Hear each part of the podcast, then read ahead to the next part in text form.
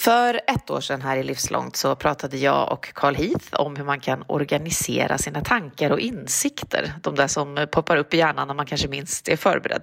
Men som ändå är små, viktiga pusselbitar i allt lärande som vår hjärna hela tiden håller på med.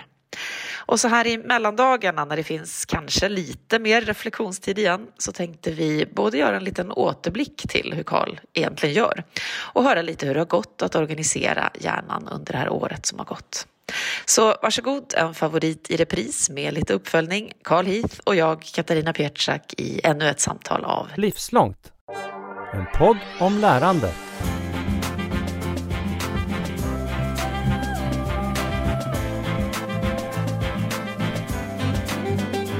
Vi ska prata om något som vi verkligen har klurat en hel del på ju, men bara innan vi börjar, eh, vilka är dina första minnen av att du liksom, det här kommer låta lite flummigt kanske, men alla vet ju att jag är det, eh, att du hade tillgång till dina egna tankar på ett sätt som inte alla andra hade?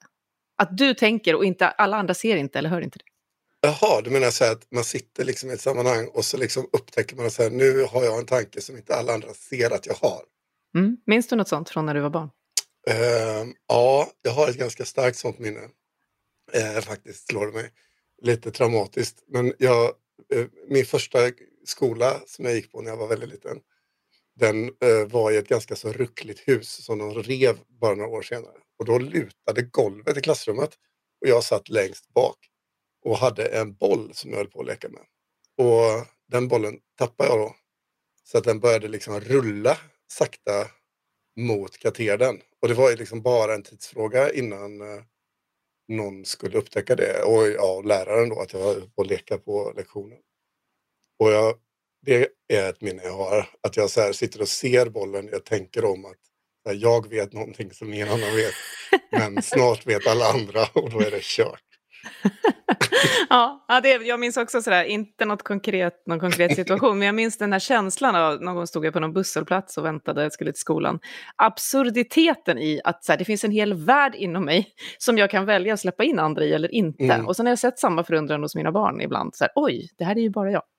Och så lever vi nu i en eh, tid som verkligen värderar tankarbete och analys och kunskap och kanske ännu mer abstrakt än för hundra år sedan. Så, eh, undrar vad det kräver för nya saker av oss. Det tänker jag att vi kanske skulle prata lite om idag. Men har du någon tanke om det spontant? Eh, ja, det här är ett område som jag har en liten sån passion för att fundera ut och klura kring. Liksom vad jag gör för att, ja men hur jag gör för att komma ihåg saker bättre helt enkelt. Eller mm. att koppla ihop tankar som jag själv har haft. Mm. Eh, så att jag kan dra nytta av dem och liksom lära mig mer om saker och ting. Ja, det det är klurigt. Det är klurigt. Vi ska få lära oss lite av dig idag. Jag, när du säger sådär så tittar jag på min skärm här och så ser jag att det är liksom massa verktyg uppe, eh, anteckningar, Trello, Google, alla möjliga. Där jag försöker organisera, det är rätt råddigt. Så vi säger välkomna till dagens Livslångt med mig Katarina Pietschak och Carl Heath. Och vi ska prata om då att organisera den där inre världen. Dokumentera och organisera utanför hjärnan, hur det ser ut där inuti. Typ så va? Typ så, ja men precis. Eh, och då förstår ju ni att jag har ofta, och inte minst så här års, en enorm känsla av risk att tappa kontroll med alla de här flikarna, översikterna och vad jag håller på med. Och jag kan använda alla de här olika verktygen som jag nämnde, vilket jag också gör. Men jag kan liksom inte få in alla miljarder tankar och reflektioner jag har i en Trello. Det skulle bli monstruöst. Så du har ju då verkligen grunnat över hur det här kan designas och struktureras. Vad fick dig till en början att börja nörda i det här? Nej men jag, jag är en sån här person som läser och lyssnar och skriver ganska mycket. Och eh, när jag gör det så får jag väldigt ofta tankar eh, som jag på något sätt vill liksom spara på och använda vid ett annat tillfälle och kanske i ett annat sammanhang. Så om jag sitter och skriver på en idé jag har eller jag förbereder ett föredrag eller vad det kan vara så kommer jag på en idé eller ett koncept eller att jag borde prata med en person om en viss sak eller någonting. Och så vill jag liksom på något vis få ner det där. Och jag har prövat alla möjliga saker, sätt att liksom föra bok på mina tankar och det tror jag, det är jag ju långt ifrån ensam om. Att jag försökte att liksom ha de här fina Moleskin-böckerna där man kan skriva. Jag är väldigt bra på att köpa sådana böcker och så har jag någon idé om att om jag köper en jättefin penna så kommer jag använda den mer. Eh, och det gör jag då inte. Utan jag är ganska dålig på att anteckna eh, på det sättet. Och sen har jag försökt att anteckna i datorn. genom åren. Eh, och jag har aldrig riktigt, liksom, jag är ganska bra på att anteckna men att sen återvända till mina tankar har jag liksom haft betydligt svårare för. Och inte minst också haft utmaningar kring till exempel att om jag läser en bok och så kommer jag på en tanke medan jag läser den. Liksom, hur ska jag göra då? Ska jag hundöra det, överstryka det? Men hur jag än har liksom försökt att liksom skapa ett minne genom att liksom vika boken eller skriva under eller så. så. Så när jag lägger undan boken, då lägger jag undan alla mina noteringar om den också och så liksom ett halvår senare så, mm. så har jag liksom inte det med mig. Och det där eh, har jag liksom försökt att bli bättre på med, med åren. Men ja, jag har verkligen haft tusen system. Hur har du haft det? Ja, det där med böcker känner jag igen. Jag kan bara titta upp här på min hylla så står det jättemånga jättefina och oanvända. Också fått av många som vet att jag gillar att skriva och så. Och när jag var yngre så skrev jag mycket analogt. Nu tycker jag knappt att jag kan det rent fysiskt. Som att jag får ont i handen nästan. Eh, men också precis som jag sa då, att jag försöker hitta sätt. Eh, och ibland så liksom när jag är stressad så hemfaller jag åt de värsta sätten. Typ evighetslånga anteckningar i mobilen och sådär. Som, som sen inte går, som du säger, att återvända till. Så. Men vad är det du har saknat genom att inte kunna göra det? Vad har du liksom längtat efter att allt det där som du hade kunnat ha kvar skulle bidra till? Nej, men det som jag har saknat och som jag nu då under det här senaste året och som vi kommer väl komma in på har liksom börjat organisera mer, det är egentligen eh, kan man säga flöden för att hantera min egen information på. Så att inte bara det här med liksom, hur gör jag för att liksom, eh, skriva under någonting i en bok eller hur gör jag för att skriva en liten minnesanteckning eller hur gör jag när jag lyssnar på en podd eller läser en vetenskaplig artikel eh, för att liksom skriva ner det som är. Men hur gör jag för att det så smidigt som möjligt ska gå att ta det där anteckning eller överstrykning eller vad det kan vara och stoppa in den i ett sammanhang där jag sen i ett senare skede eh, kan hitta den här informationen och se hur den hänger ihop med mina andra tankar. Den liksom kopplingen någonstans, den har jag liksom letat och sökt efter. Mm. Och, har funnits... och alla vi som har gått en kurs någonsin har ju känt den där känslan. Åh, nu är jag så uppfylld av det här. Eller, eller tagit del av något annat lärande. Men jag tänker att många relaterar till att jag gick en kurs. Jag var uppfylld. Jag skrev jättemycket någonstans. Jag kom hem. Jag tittade aldrig mer i det här. Mm. Nej, men precis. Och just det där. Det, jag, ja, jag känner så mycket i, i det där att antalet anteckningar jag skrivit genom åren som jag liksom inte riktigt eller jag läser en bok och så bara, åh sjutton vilka bra, smarta, kloka tankar. Det här vill jag använda på något sätt. Och sen så gör jag kanske det i närtid liksom. Men jag återvänder inte till materialet så mycket så att det fastnar i långtidsminnet på ett tillräckligt bra sätt. Liksom. Mm. Ja, det där har jag liksom försökt att, att klura på hur jag skulle kunna få till. Det finns tekniker för att åstadkomma detta eh, tillbaka till 1800-talet. En tysk eh, metod eh, som heter eh, Zettelkasten. Där man eh, tar sina tankar och organiserar dem på små sådana här, eh, små såna här eh, eh kort som man har i kartotek. Och så har man små siffror och grejer. Så varje liksom, idé man har hamnar på ett kort och så skriver man små siffror och så indexerar man dem där. Så när man liksom letar efter något så kan man liksom öppna sitt kartotek och så hittar man alla korten som hänger ihop med en viss typ av koncept som bygger på liksom indexering. Då. Men det är ett himla sjå att ha jättestora hyllor med Jättemånga kort. Ja, men om jag inte ens kan använda ett vanligt anteckningsblock på ett eh, bra sätt så det känns liksom inte som jag. Det, Nej. det kanske funkar för tyska filosofer på 1800-talet men inte för mig. Men du har hittat något som känns som du. Du har hittat ett verktyg här som har, eh, och det är därför vi har kommit på att vi ska ha det här samtalet. Ja, men precis. Eh, nej, men jag upptäckte det eh, i somras när jag Eh, snubblade på en bekant eh, på internet som var, eh, liksom hade börjat nörda i ett verktyg. Och det nörderiet ledde mig in på en mängd olika verktyg som liksom har blivit en liten serie, en liten svit av små eh, dataapplikationer som tillsammans gör att det faktiskt går att liksom dokumentera och komma ihåg saker och ting. Men i grunden så bygger det på ett en förhållandevis ny mjukvara, en öppen mjukvara som heter Obsidian. Eh, vi kan länka till den kanske på livslangt.se. Det kan vi göra. Eh, så att man kan hitta till det. Det är ett eh, kostnadsfritt öppen mjukvarubaserat litet anteckningsprogram helt enkelt. Men det som skiljer det anteckningsprogrammet ifrån att använda andra anteckningsprogram, det är att man organiserar sin kunskap på ett annat sätt. Så om man backar bandet lite grann och tänker till det där när man skriver i sin anteckningsbok eller om man skriver eh, i OneNote eller Evernote eller om man skriver eh, liksom Word-dokument eller så, så organiserar datorn filerna som en hierarki. Så att du har en mapp och så har du grejer i den mappen och sen har du ytterligare en mapp och så har du grejer i den mappen och så vidare. Och det gör ju att en idé, om du skriver en idé i en anteckning, då kommer den bara finnas på ett ställe i den här hierarkin. Såvida du inte liksom kopierar den och har den på flera ställen. Men då behöver du komma ihåg att uppdatera det på alla olika ställen. Det finns ingen koppling emellan liksom? Nej, det finns ingen koppling. Nej. Utan det, det är en, en hierarkiskt sätt att organisera information på.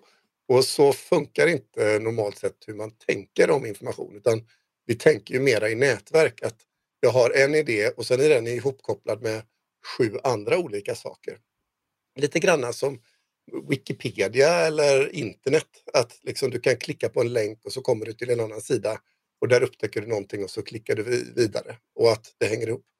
Och vad det här Obsidian-programmet gör det är att det lite grann funkar som en superenkel variant av att ha en litet Wikipedia för ens egna tankar. Så skulle man kunna beskriva det. Mm. Så att när jag har en idé så skriver jag den. Säg att jag har en, får en idé som du har presenterat för mig nu när vi sitter här och pratar. Så kanske jag öppnar ett dokument, skriver det i Och så skriver jag eh, att det är du som har eh, gett mig den idén. Och så markerar jag dig som en liten länk i programmet. Då helt plötsligt, så om jag skriver ett annat eh, dokument och skriver Katarina Petrak i det dokumentet, då får de här två en koppling via ditt namn. Så det gör att det blir som ett nätverk av tankar som man kan organisera. Och det, vad som händer då det är ju att en tanke som jag tänkte för ett halvår sedan och en tanke som jag tänker nu, så länge jag använder samma eh, eh, ord för att liksom koppla samman dem, då kan jag liksom se mina tankar på ett nytt och annat sätt. Mm. De kallar det för personlig kunskapshantering, PKM. Och så beskrivs det som just det som du just beskrev, så här, thinking by linking. Och det är precis som du säger, det vet ju alla som har haft svårt att somna någon gång, hur tankarna bara kopplar till varandra på ett sätt som man inte riktigt varken kan styra eller förstå. Så. Och sen har vi ofta i den här podden använt ordet kontext, att vi behöver sätta allt i en kontext eller i relation till annat så att säga. Så hur mycket har det här länkandet som du beskriver av dina tankar hjälpt dig med din, dina olika, för jag gissar att det är flera kontexter?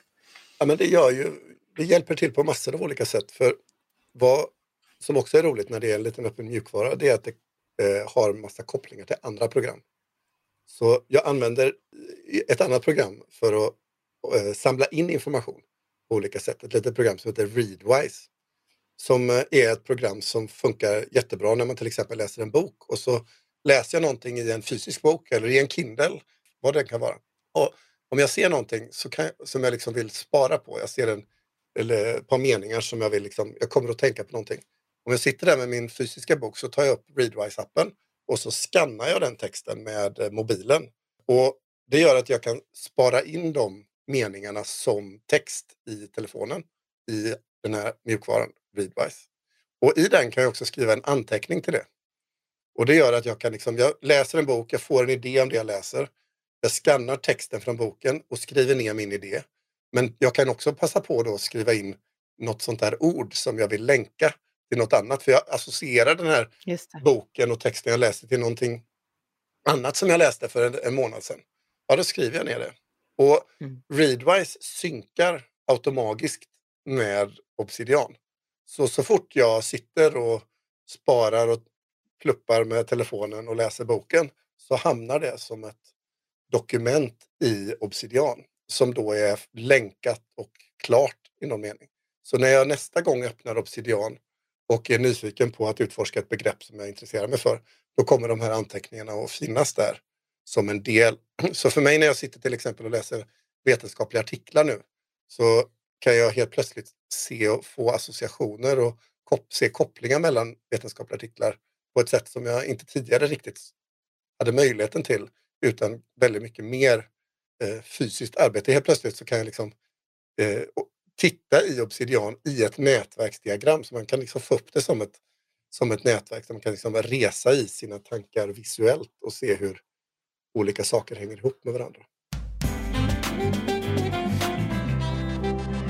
Det där med forskningsartiklar, eftersom jag också sitter med sådana, skulle kunna få mig att börja använda det här. Men också det du nu beskriver, den här bryggan mellan den analoga världen och den eh, digitala. För det har jag, jag tycker ofta man säger, ska jag skriva av från den här boken? Ska jag fota och sen ligger det i min kamerarulle som jag aldrig tittar i, men jag vill ha kvar det. Så precis mm. den bryggan är ju ett gap som jag verkligen... Ja, och det är det jag är inne på med flöden. Jag har ju liksom haft sätt att jobba på för varje enskild sån här grej. Jag har liksom öronmärkt i boken eller understrukit men det har liksom inte hamnat någonstans där jag sen använder det. Men det som är de här lite nyare mjukvarorna gör för att hålla på med sin personliga anteckningar, det är ju att de väver samman eh, olika delar av en informationshanteringsflöde i, ja, som ett flöde helt enkelt.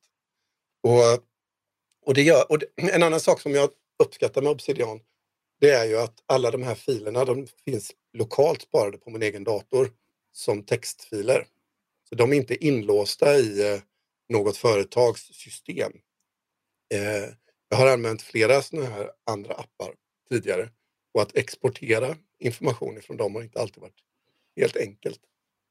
Så, mm. och, och, men, men den här öppna mjukvaran den gör att alla de här texterna jag skriver de sparas som rena textdokument i min dator och jag kan ha kvar dem även om jag inte skulle liksom, använda just det här programmet i framtiden.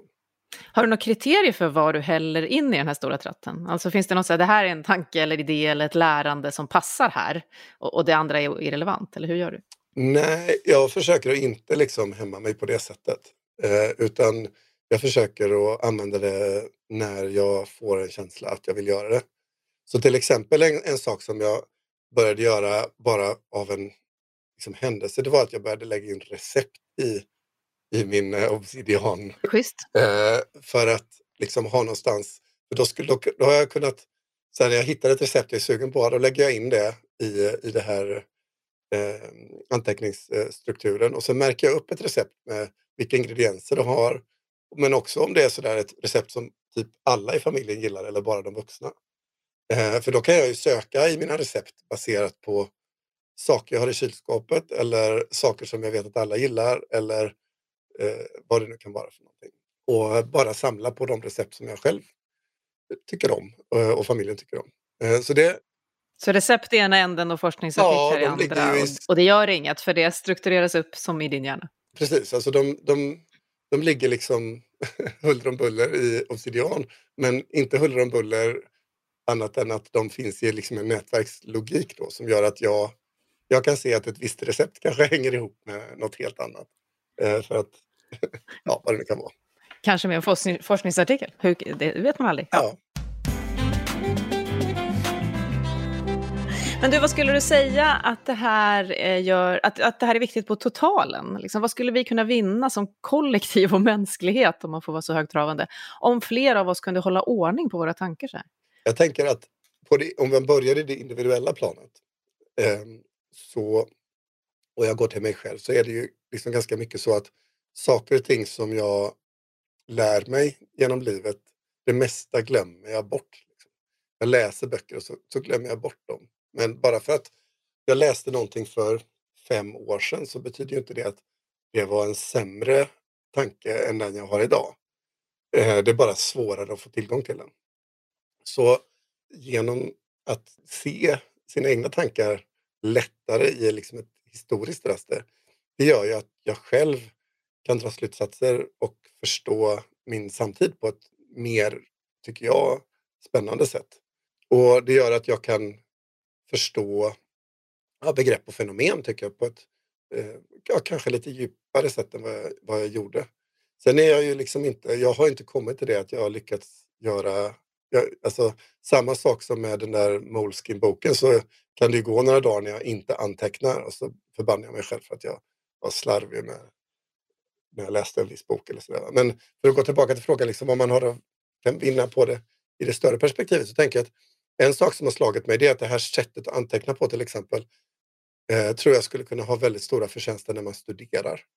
Eh, för en, liksom när du pluggar i skolan till exempel så så är skolan är ju en slags hierarkiskt organiserad struktur med ämnen i olika slag. Men jag kan ju ha många olika intressen. Jag kanske gillar att hålla på med hästar och jag tycker att det skulle vara spännande att skriva om hästar i både biologin och i eh, matematiken eller vad det nu kan vara för någonting.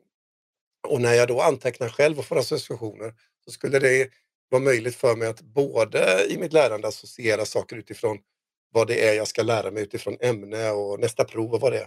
Men jag skulle också kunna föra bok på hur jag associerar till innehåll så att när jag ska skriva en uppsats i gymnasiet eller vad det kan vara för någonting så kan jag hämta information från många olika ämnen och så att säga forma kunskapen till mitt eget.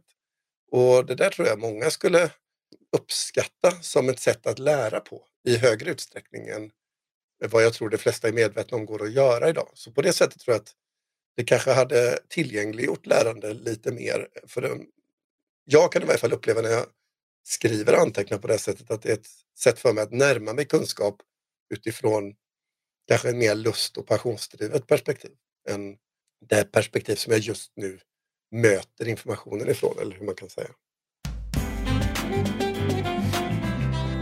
Jag tänker också på det att en, en, diskussion som ofta förs idag är ju att man, fler, som, fler och fler som tycker att vi behöver äga vår egen data. Och här är det som att din, din verkligen egen data som kommer från din hjärna, eh, du, som du sa, du låser inte in den någonstans. Den är öppen, den är ett öppet program och du har alltid tillgång till den. Så i någon mån så blir ju det, det blir en sån blockkedja som du skapar av din egen data som du äger då. Ja, för mig så känns det faktiskt ganska viktigt på det, av flera skäl. Dels så blir ju det här när jag skriver anteckningar på det sättet så blir det en väldigt personlig mängd information. Det blir väldigt mycket hur jag tänker om saker och hur jag reflekterar. Det är som en ganska så klurig dagbokslogik, eller hur man kan säga det. Mm. Och det gör ju att det blir en väldigt liksom, personlig informationsmängd. Eh, och den mängden data den vill jag ha så nära mig själv som möjligt på ett sätt som känns tryggt och säkert för mig.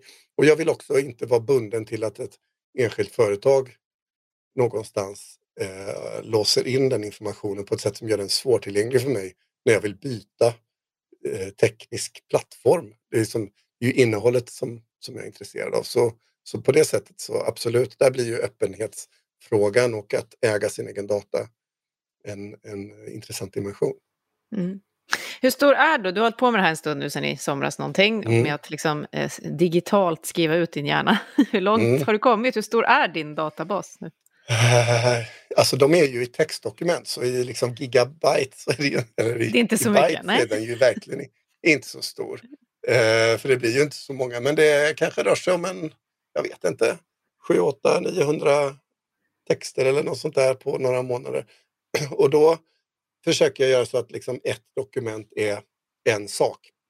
Så att de blir lätta att länka till varandra. Så att liksom jag, kanske har, jag har en, eh, en typ av dokument som är personer jag träffar som jag vill liksom komma ihåg. En annan är koncept som jag funderar över och en tredje är mötesanteckningar. Så jag har gjort liksom mallar för lite olika typer av saker. Så alla möten som jag är på skriver jag mötesanteckningar och etiketterar upp. Och då hamnar ju de mötesanteckningarna i samma miljö som mina böcker jag läser eller vad det nu kan vara för någonting och det blir möjligt att koppla samman. Så, så det blir ju några anteckningar om dagen. Och många av dem blir ju liksom inte färdiga utan de är lite så här halvkassa. Så ibland så, och det gör jag inte i den utsträckning jag känner att jag kanske hade velat, men det finns ju ett stort värde sen att gå in i anteckningarna och sitta och pilla med dem och göra dem bättre för, eftersom jag faktiskt återkommer till dem. Så ju mer läsbara de är för mig själv, desto större värde får de ju. Eh, och det blir lite roligare att läsa dem när de hänger ihop med varandra. Men, eh, men det är något som jag liksom inte, där är jag inte än i mitt nörderi av mina inre tankar. Att jag kommit så långt. jag tänker att en och annan mer än jag tänker orka. orka. Jag nämnde de här olika, alla ja. kanske inte har använt Trello så de kanske inte har en relation. Det är alltså ett projektverktyg där du flyttar olika progressioner genom olika saker du gör och sådär. Det här har jag gjort, det här är jag kvar att göra så. Men bara det är ju en stor tröskel. Hur, hur ska vi komma över, eller hur kom du över den? Vad har du för tips till oss som inte har gjort det? Men jag tänker att eh, mitt sätt att försöka förhålla mig till detta det är att inte göra det till en särskild grej. Utan att till exempel då, men om jag sitter och läser en bok som är en bok i papper och jag ser någonting, ja, då använder jag Readwise samtidigt som jag läser och bara antecknar där och då. Och det tar 20 sekunder att skriva den anteckningen. Och då har jag sparat den, då finns den redan i Obsidian. Jag behöver inte gå in där igen och göra grejer utan det sker som en konsekvens av att jag läser en bok. Eh, skriver jag en mötesanteckning, ja, då skriver jag inte den på ett papper någon annanstans utan jag skriver det direkt in i Obsidian när jag antecknar. Och då kan du göra det överallt, i alla devices? Och så. I alla mina devices, ja precis. Och på telefonen och iPaden och vad det nu är. Och är det så att jag sitter och jobbar med en vetenskaplig artikel, ja då jobbar jag också i, direkt i så att det liksom inte blir ett flerstegsraket eller att jag liksom måste sitta och göra ett merarbete någonstans. Utan jag försöker att ta bort eh, för jag är så eh, galen är jag inte så att jag liksom sitter och avsätter två timmar med detta varje dag. Liksom. Det, Ändå skönt att höra. På något utan sätt. jag försöker verkligen att inte göra det. eh, eller det kan jag inte. Jag är inte lagd åt det hållet. Liksom. Jag, jag, utan det funkar för mig när det inte är en extra belastning utan att det är något som bara sker för att jag jobbar med det. Ungefär som att jag skriver en mail eller att jag skickar ett sms eller vad det nu kan vara för något. Mm. Så om jag då är lite pepp och sugen efter att ha lyssnat på dig här nu, hur ska jag börja? Alltså det är faktiskt det som är det svåraste. Om jag ska vara krass. Den, den största tröskeln är de första tre, fyra, fem timmarna och fatta hur det här funkar. Som det, är, för det här handlar ju om att lära sig ett nytt sätt att skriva anteckningar på. Eh, och det behöver man lära sig. Det är ingenting som bara händer. Ehm, så den största friktionen är de första timmarna. Och när man sen har passerat den tröskeln och man kommer till det stadiet, då, då blir det väldigt, väldigt, väldigt mycket lättare. Eh, Jag har skrivit lite grann om det. Det finns ett väldigt stort community, på, framförallt på Youtube, eh, som eh, delar tankar och kunskaper och sådär. Om Tutorials hur och man kan göra. Mm. Så, eh, och säkert poddar och allt möjligt om det vid det här laget. Men, eh, men, men det, om man vill komma igång så är det nog bara att avsätta lite tid för att lära sig hur det här är och se hur andra har gjort och liksom ta mönster av hur andra har gjort och sen ändra på det så att det passar en själv. Mm. Det är den där lärkurvan, den ser ju ofta ut sådär. Det är ett motstånd. Det var väl ett av våra första avsnitt här i podden med numera utbildningsminister Anna Ekström som sa det där ansträngandet, det ger ändå en vinst. Så att, Ja men så är det. Ja. Så är det verkligen och här är det liksom det är, det är, en, eh, det är verkligen en puckel, den första puckeln. För det, är, det, är en, det, är en, liksom, det ser inte ut som anteckningar eller Word eller sådär utan det ser ut på ett annat sätt och man måste lära sig det. Mm. Så om ett halvår, om jag börjar nu, vad, använder lite jullov här till det eller något, vad har jag då som jag, som jag inte har nu? Ja, Det du har då det är ju att du har ett sätt att hitta tillbaka till tankar som du haft under hela det halvåret. Eh, och du har dessutom möjligheten att upptäcka mönster i hur du själv tänker. Så du kan upptäcka associationer som du själv har gjort som du har glömt av. Eh, och som kan ge dig nya insikter och tankar som du sen kan bygga vidare på. Och det är en ganska häftig upplevelse. Ändå spännande att resa in i sin egen hjärna. Det är lite sci-fi över det på olika sätt. Alltså det är väl ungefär det mest introverta projektet jag har gett mig i kast med. Men eh, det har varit ganska kul får jag ändå säga. Det är ju ett pandemimässigt eh, fantastiskt eh, enkelt sätt att underhålla sig på. Ja, ring mig om ett halvår så gör vi ett nytt avsnitt då. Ser vi hur långt jag har rest. Eh, Du är väl då snart lika lärd som en sån här tysk filosof eftersom du har kopplat ihop alla dina tankar. Så då har du mycket att bidra med. Är det något annat som du vill skicka med oss i det här? Jag tänker att när man har lyssnat på det här en halvtimme så kan man nog bli lite skrämd över hur, Ja, lite överväldigande. hur, hur, eh, att det finns liksom en sån här sak och sånt. Och det låter mycket läskigare än vad det är. Så ska man säga. Och jag har eh, hört om gymnasieelever faktiskt som har börjat använda detta precis på det sätt som jag beskrev.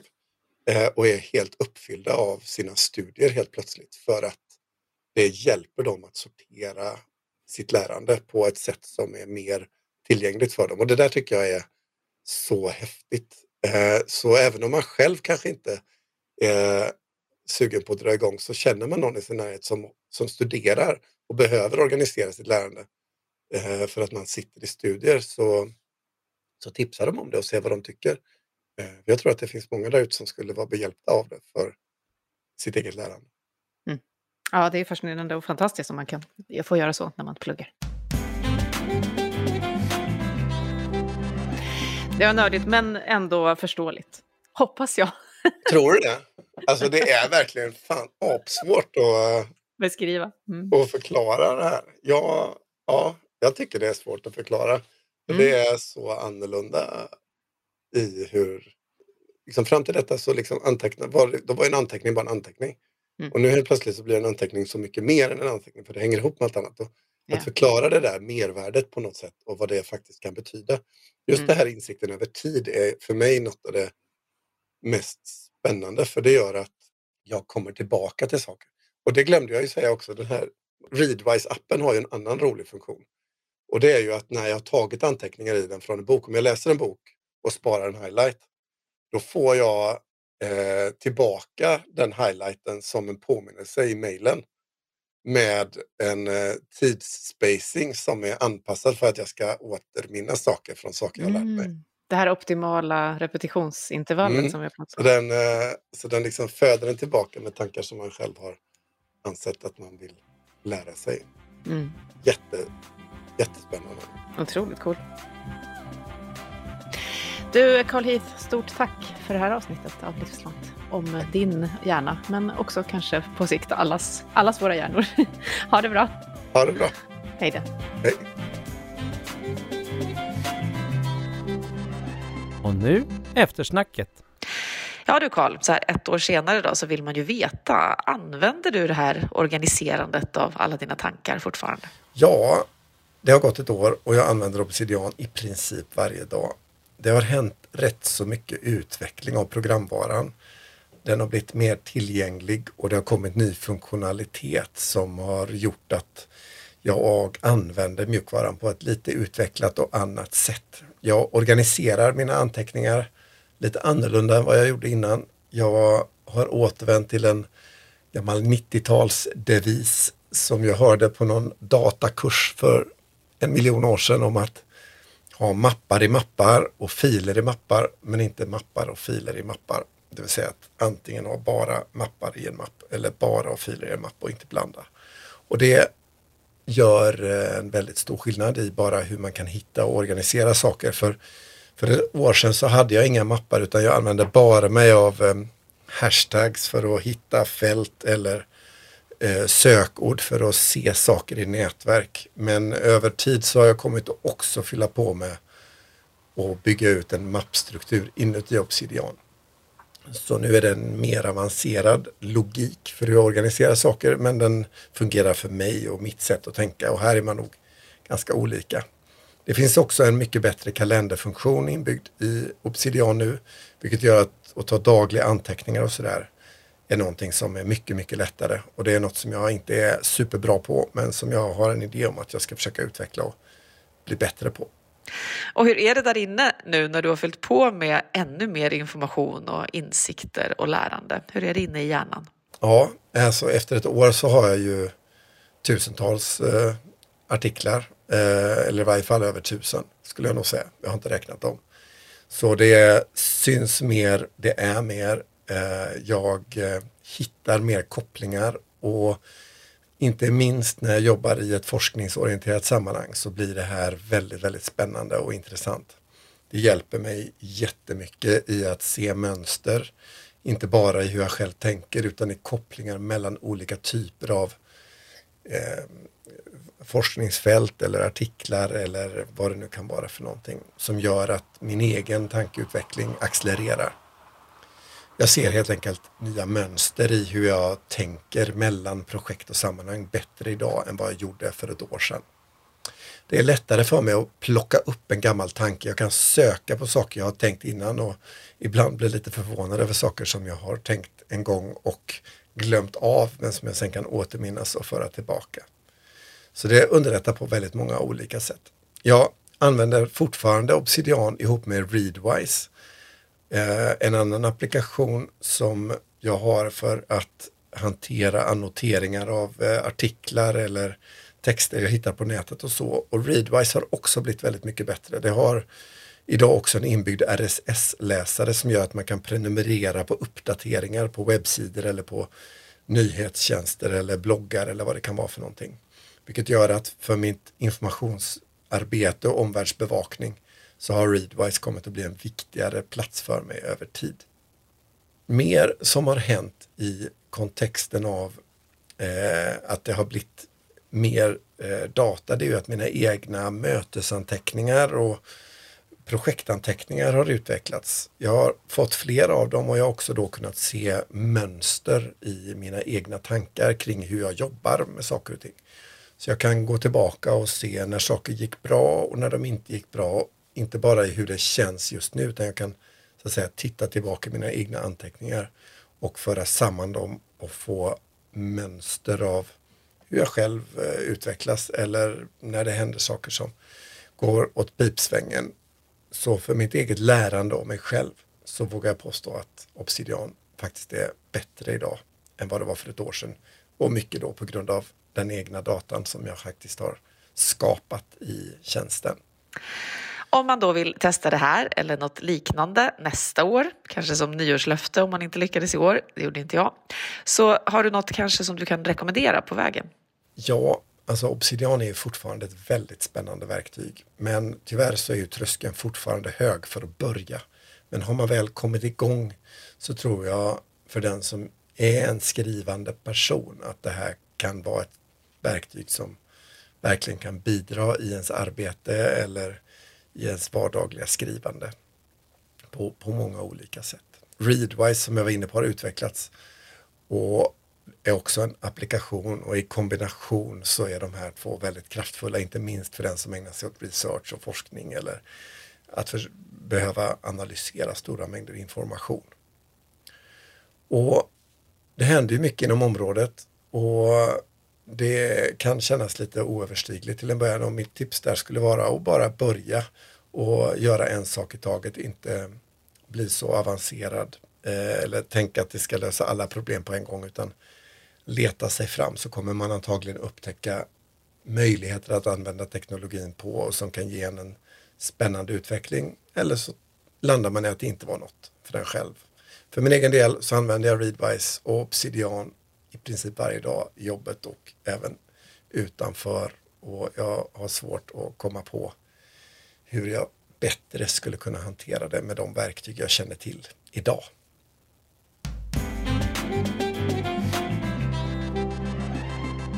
Du har just hört Livslångt, en podd från RISE om allt det där man lär sig i livet. Vi hörs om en vecka igen.